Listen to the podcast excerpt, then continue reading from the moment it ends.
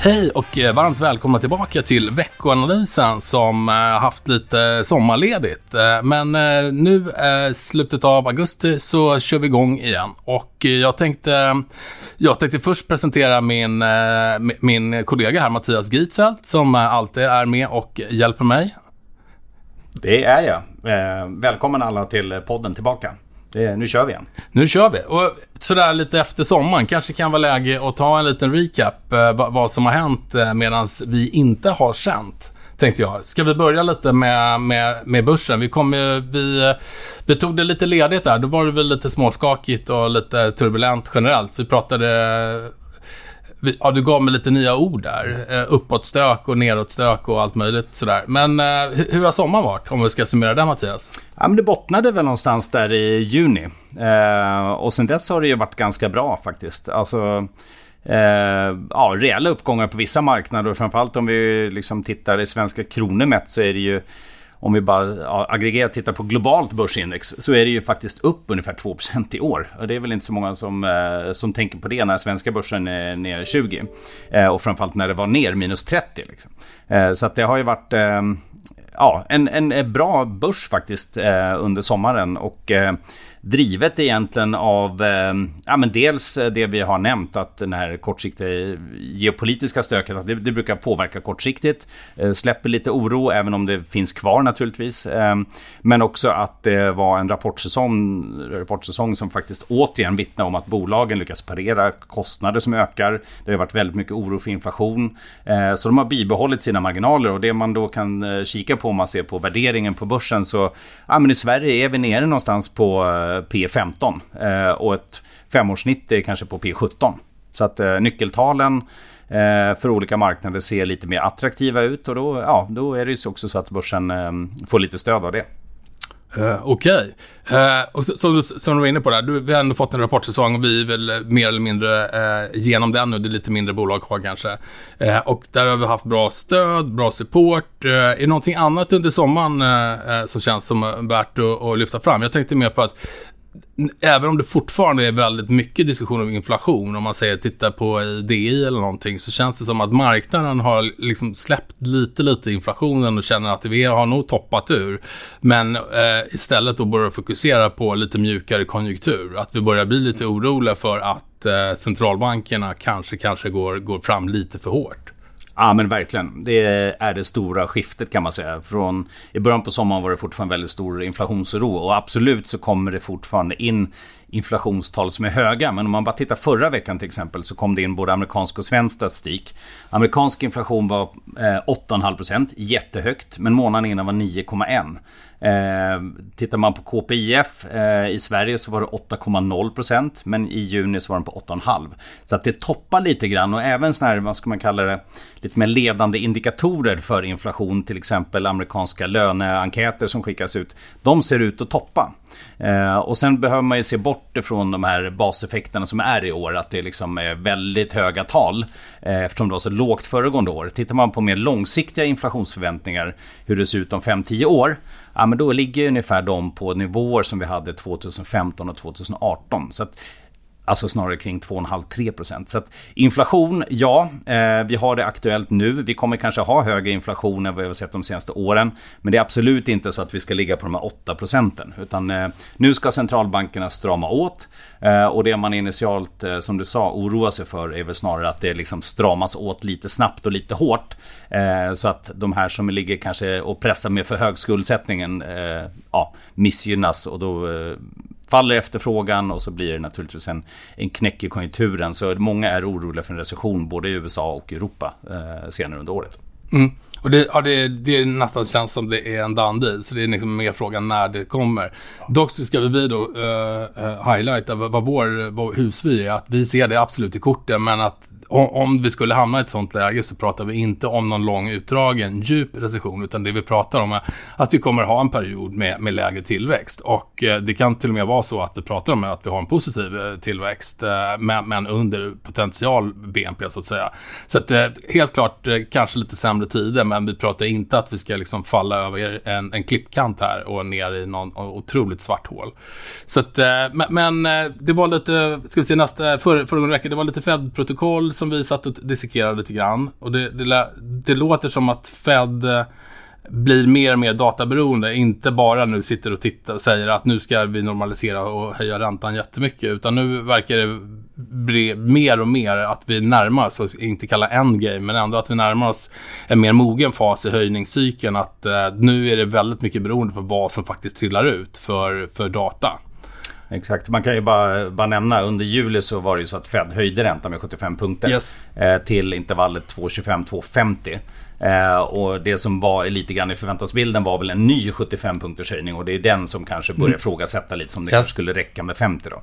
Så att, eh, ja men väldigt intressant och sen så har vi ju centralbankskonferensen där i Jackson Hole som eh, då får vi förhoppningsvis lite fler signaler här hur, hur man tänker agera. Men det är i alla fall bra att man är lite mer ödmjuk eller flexibel. Då. Ja det känns inte i alla fall som att det är one way. För det har det ju varit eh, fram till ja, mitt, i, mitt i sommaren. Nu känns det definitivt som att uh, alltså, äh, centralbankerna ser också vad, vad som händer och, och hur, äh, hur olika intressenter agerar. Och fortfarande har vi det där att företagen verkar ett kunna ha parerat inflationen ganska bra och jag ser relativt optimistiskt på framtiden medan då hushållen, konsumenter mår väldigt dåligt om man tittar på, på de flesta undersökningarna. Att det, och det, det är ju inte, det är, det är det som blir det här lite skillnaden i vad som redan marknaden har tagit höjd för och inte. Jag menar, vi har tagit höjd för inflationen är hög, vi tror att den kommer bedarra. Medan det för en konsument fortfarande så får du möta höga priser eh, när du går på din eh, lokala ICA-butik eller vad det är. Och eh, till exempel bara anekdotiskt så såg vi du när, när eh, att Lidl, tyska eh, eh matkedjan, eh, rapporterade en, en, märkbar tillströmning av kunder. Och deras koncept är ju att vara billiga helt enkelt. Så mm. folk, det, det, där, det där är ju någonting som man ska ha lite styr på över tid. Men som sagt, det, det är inte så konstigt tycker jag att konsumenterna eh, är, är är dystrare än vad de kanske borde vara just just nu. Men jag tror inte att det heller kommer behövas speciellt mycket innan man börjar se an eh, med, med lite mer tillförsikt på framtiden. Eh, någonting annat från föregående vecka då? Jag vet inte om det var... Ja, men bland annat när du ändå nämner detaljhandel och, och, lite så, så hade vi, fick vi in eh, Walmart då, som faktiskt kom bättre in bättre än väntat. Men de hade vinstvarnat i juli, så där var ju prognoserna nerskruvade. Och det är, det är en sektor där det är lite stökigt. Även amerikanska Target då, hade ju rapporterat vinsttapp på 90%. Så att, eh, det, är, det är definitivt ett ändrat konsumentbeteende. Eh, så ja, eh, väldigt intressant och eh, vi fick ju också faktiskt data över detaljhandeln i USA för, för juli månad förra veckan och den försäljningen var oförändrad då. Och ja, tillsammans med en hyfsad arbetsmarknad så, här, så ja, kanske behöver inte recessionsoron vara allt för stor. Så vi får se. Det som man kan vara lite orolig för och som tidigare har funkat väldigt bra som en indikator för, för svag eh, konjunktur. Det är bostadsmarknaden och eh, i USA så var det ju klara svaghetstecken där eh, förra veckan. Vi fick in försäljningen av befintliga bostäder föll med nästan 6% och är det med ner under senaste halvåret 26% lägre än toppen i januari. Så att ja, men ganska svag bostadsmarknad i USA då som ju har hållit upp väldigt väl de senaste åren. På tal om bostadsmarknaden, vi fick lite statistik här på morgonen också, Valueguard mm. eh, i, i Sverige. Uh, och den har ju visat uh, samma tendens då, som den amerikanska datorn sa här på senare tid, att det har varit uh, märkbara svaga tal som har kommit in. Vad, vad fick vi här i morse? Ja men eh, svenska marknaden verkar ju faktiskt eh, stabiliseras lite. Det har ju varit en nedgång på, ja men om man tittar olika regioner i Sverige så 5-10% under sommaren här på, på bostäderna. Men eh, nu ser det en stabilisering här i, i sista siffrorna. Så att, ja men eh, får se om det, det håller. Eh, som vanligt är det ju lite beroende på region och om det är bostadsrätter, villor och så vidare. Men, eh, men i alla fall en, en lite bättre siffra. Ja, okej. Okay. Och vad har vi mer? Du var inne på tidigare och det är den här om, för, för oss som är lite nördar så hade vi Jackson Hole som vi avslutar veckan med. Den här vad ska, centralbankskonferensen då, som varar tre, fyra dagar. Mm. Eh, borta där i USA. Eh, och eh, det, det, är som sagt, det är någonting som vi absolut eh, bevakar och ser. Det är, ja, I det här läget så kanske det inte kommer komma några jätte, jättenyheter. Men ändå lite, lite bra att ha lite koll på, på och, och få lite känsla på hur de resonerar i alla fall eh, där vi befinner oss. Eh, har vi någonting annat eh, intressant eh, statistikmässigt så mm. för veckan? Ja, men eh, förutom Jackson Hole börjar på torsdag då så har vi ju sån här flash PMI, alltså inköpschefsdata, preliminära siffror eh, från några större ekonomier. Jag bara såg här, den kom idag. Vi spelar in tisdag idag, vi brukar spela in måndag, men det har precis eh, kommit lite siffror här på morgonen och i Tyskland så såg den ut att vara ungefär som förväntat, det vill säga lite sämre än föregående månad, eh, men, eh, men ändå eh, ja, som förväntat. Så ingen, ingen stor grej så i, i Tyskland i alla fall. sen kommer den nya hemförsäljningen i USA, den är mycket mindre än befintlig hemförsäljning. Jag tror den bara 6-7% av totala. Så eh, där eh, förväntas ett fallande antal i alla fall också. Eh, och sen så har vi försäljning av varaktiga varor i USA. Tyska IFO-undersökningen väntas också sjunka. Så ja, men det är många data som är lite mer svajiga än vad vi är vana vid.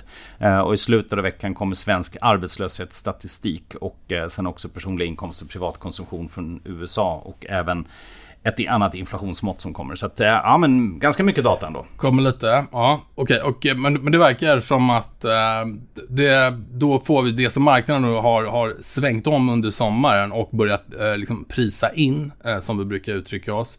Eh, det har också börjat materialiseras då i, i den data som kommer ut. Det vill säga inflationsdata börjar mjuka till sig lite och, eh, och och eh, den typen av data som kan indikera vilken typ av konjunktur vi har fram, eh, framledes, den har börjat vika, vika ner och bli på, på vissa, eh, i vissa regioner och vissa olika typer av mått så har det ju blivit relativt svaga mått. Det får vi inte, det, det måste vi erkänna. Eh, ja, verkligen. Och det, det brukar ju vara så här att eh, nu faller de här ledande indikatorerna en del och det är trots att börsen har stigit. Så det är inte så konstigt om det blir lite svagare utveckling ett tag på börsen. Eh, men samtidigt när de här börjar vända, om man tittar just på det här IFO-index som jag nämnde till exempel. Där är ju neutralnivån 100. Eh, och vi ligger idag kring 80-90 på, ja, det är två olika komponenter. Mm. Eh, och väntas ju sjunka till 78,6. Eh, så att när den här bottnar eh, och går upp mot det är då normalt sett som börsen brukar vända upp igen också. Så att, eh, och det går ganska fort ner. Så jag, jag tänkte jag säga det, det också. Liksom, Absolut. Det kan absolut bli sig bättre ut. För, för, för, för de som kanske inte är helt insjungna på IFO så är det, det är som många andra av de här sentimentsindikatorerna också, eh, att det, att, att, det, att det kan gå väldigt, väldigt fort, både på upp och nedsidan. Så att eh, den, den hastighet vi ser i nedstället nu är någonting som vi absolut sett tidigare också. Så att det där kan vända och då är det ändå, som vi har sett nu, bolagen har kunnat eh, parera inflationstryck och varit kreativa och kunnat hålla, hålla bra vinst vinstnivåer och eh, fortfarande, vi går in nästa år med lägre eh, vinstförväntningar men de är fortfarande på en sån nivå så att det det går att räkna hem det med den typen av värdering vi, vi har idag. Som du jämför till exempel med svensk börs med P 15 och kanske långsiktigt, eh, eh, långsiktigt snitt kanske ligger på 17 någonstans.